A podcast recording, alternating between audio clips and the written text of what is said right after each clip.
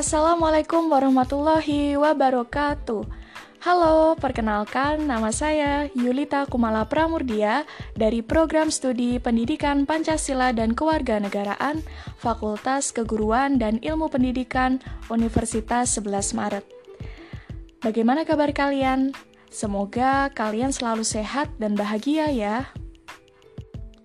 Oke, pada podcast kali ini kita akan berbincang-bincang mengenai Pancasila, seperti apa pengertiannya, bagaimana urgensinya bagi kehidupan bernegara dan bermasyarakat, kemudian bagaimana proses perumusan serta penetapannya sebagai dasar negara, siapa saja tokoh yang mengusulkan, dan badan negara apa saja yang terlibat di dalamnya.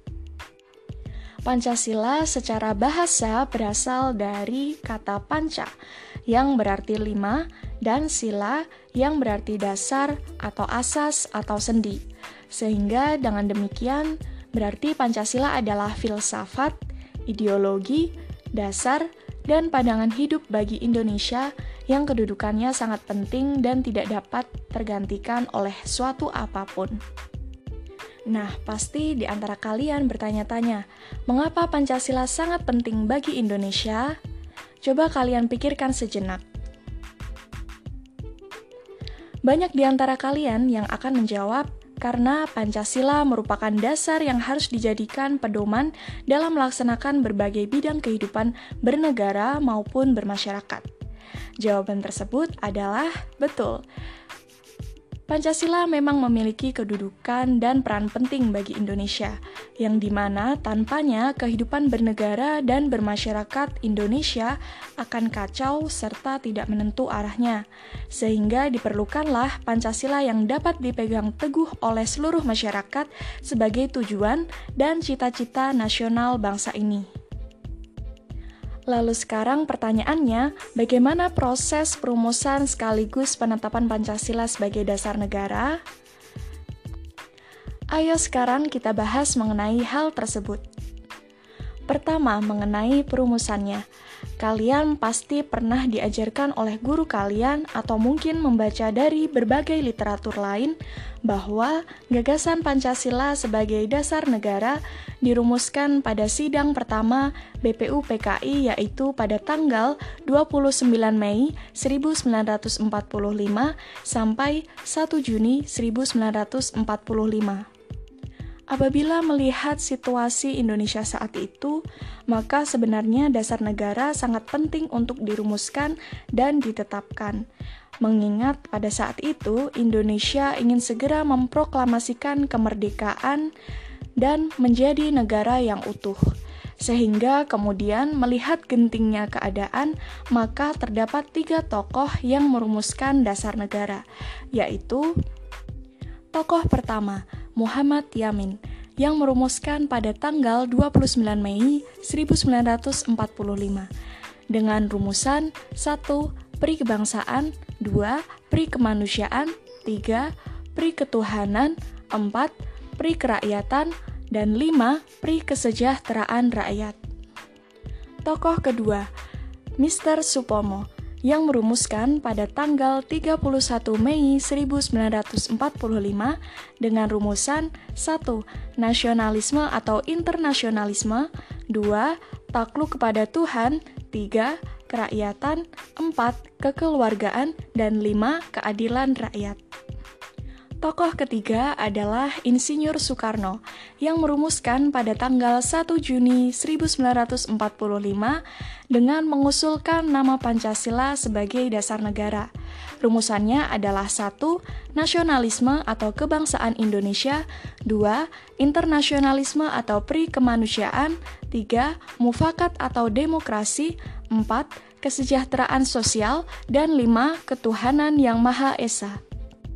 Nah, Insinyur Soekarno memberikan opsi lain untuk dasar negara Indonesia yang disebut sebagai Trisila, meliputi 1. Sosio-nasionalis, 2. Sosio-demokrasi, dan 3. Ketuhanan.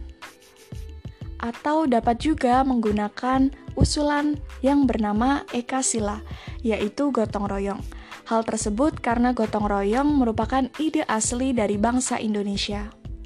Dengan demikian, berarti Insinyur Soekarno memberikan opsi-opsi kepada para anggota untuk memilih dasar negara mana yang akan digunakan oleh Indonesia.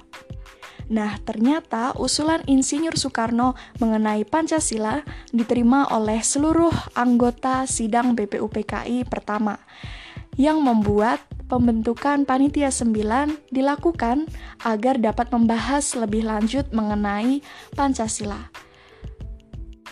Selanjutnya, panitia 9 tersebut menghasilkan piagam Jakarta dengan lima sila Pancasila yang meliputi satu Ketuhanan dengan kewajiban menjalankan syariat Islam bagi pemeluk-pemeluknya dua Kemanusiaan yang adil dan beradab 3. Persatuan Indonesia 4. Kerakyatan yang dipimpin oleh hikmat kebijaksanaan dalam permusyawaratan perwakilan dan 5. Keadilan sosial bagi seluruh rakyat Indonesia. Sekarang kita lanjutkan pembahasan kedua, yaitu mengenai penetapan Pancasila sebagai dasar negara Indonesia yang secara singkat Pancasila ditetapkan pada sidang PPKI pertama pada tanggal 18 Agustus 1945 dengan perubahan sila pertama menjadi ketuhanan yang Maha Esa. Dengan demikian, maka Pancasila berisi lima sila Pertama, ketuhanan yang Maha Esa. Kedua, kemanusiaan yang adil dan beradab. Ketiga, persatuan Indonesia. Keempat, kerakyatan yang dipimpin oleh hikmat kebijaksanaan dalam permusyawaratan perwakilan, dan kelima, keadilan sosial bagi seluruh rakyat Indonesia. Penjelasan sebelumnya adalah penjelasan yang sangat umum dibahas. Namun, kalian tahu tidak kalau ada pendapat lain yang menyatakan bahwa proses perumusan dan penetapan Pancasila dibagi menjadi tiga fase. Pendapat tersebut adalah pendapat dari Yudi Latif. Tiga fase yang disebutkan adalah 1. Fase pembuahan Pancasila dikatakan mulai mengalami fase pembuahan yaitu sekitar dekade 1920-an dalam bentuk rintisan-rintisan gagasan untuk mencari sintesis antar ideologi dan gerakan seiring dengan proses penemuan Indonesia melalui Sumpah Pemuda. Kedua adalah fase perumusan. Pancasila mengalami fase ini dimulai pada masa persidangan pertama BPUPKI dengan pidato Soekarno pada tanggal 1 Juni 1945 yang dikukuhkan dalam Piagam Jakarta. Dan fase terakhir adalah fase pengesahan. Pancasila mengalami fase ini yaitu sejak tanggal 18 Agustus 1945 dalam sidang pertama PPKI bersamaan dengan penetapan Undang-Undang Dasar 1945 sebagai konstitusi negara Indonesia. Nah, dari kedua penjelasan tersebut, antara pendapat umum dan pendapat dari Yudi Latif sebenarnya memiliki persamaan. Hanya saja Yudi Latif berusaha untuk memberikan penggolongan yang lebih sistematis. Mendengar berbagai penjelasan sebelumnya, maka pasti kalian bertanya-tanya mengenai apa itu BPUPKI dan apa itu PPKI. Dapat saya jelaskan bahwa BPUPKI adalah badan organisasi bentukan Jepang yang memiliki 62 orang anggota terdiri dari tokoh-tokoh bangsa Indonesia dan tujuh orang perwakilan dari Jepang. Yang di mana selama keberlangsungannya BPUPKI telah melaksanakan sidang sebanyak dua kali BPUPKI sendiri memiliki nama Jepang yaitu Dokuritsu Junbi Kosakai dengan ketua KRT Rajiman Diningrat serta dua wakil ketua yaitu Ichi Bangase Yoshio berasal dari Jepang dan RP Suroso berasal dari Indonesia. Sedangkan untuk PPKI merupakan badan organisasi yang dibentuk pula untuk menggantikan peran BPUPKI jadi di sini terdapat pengalihan tugas atau peran yang semula dibebankan kepada BPUPKI namun kemudian dibebankan kepada PPKI. PPKI dalam bahasa Jepang juga disebut sebagai Dokuritsu Junbi Inkai yang telah melaksanakan sidang sebanyak tiga kali. Sehingga antara BPUPKI maupun PPKI memiliki peran yang sangat penting bagi proses perumusan dan penetapan Pancasila. Perlu kalian ketahui bahwa Jepang saat itu membentuk BPUPKI dengan tujuan utama yaitu untuk menarik simpati masyarakat Indonesia agar mau membantu mereka yaitu Jepang untuk melawan pihak sekutu dengan cara memberikan janji kemerdekaan bagi Indonesia. Namun saat pembentukan PPKI memang telah benar-benar difokuskan untuk mempersiapkan kemerdekaan Indonesia. Meskipun memang tidak dapat dipungkiri bahwa PPKI masih mendapat sedikit pengaruh dari Jepang. Sepertinya saya sudah menjelaskan panjang lebar mengenai Pancasila ya.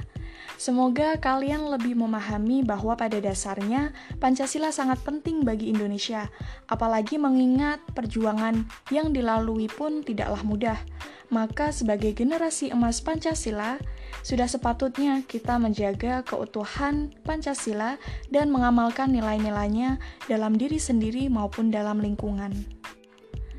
Terima kasih kalian sudah mau mendengar bincang-bincang kita pada podcast kali ini. Saya harap dapat bermanfaat dan memotivasi kalian untuk memberikan peran yang lebih bagi Indonesia dengan mengamalkan Pancasila.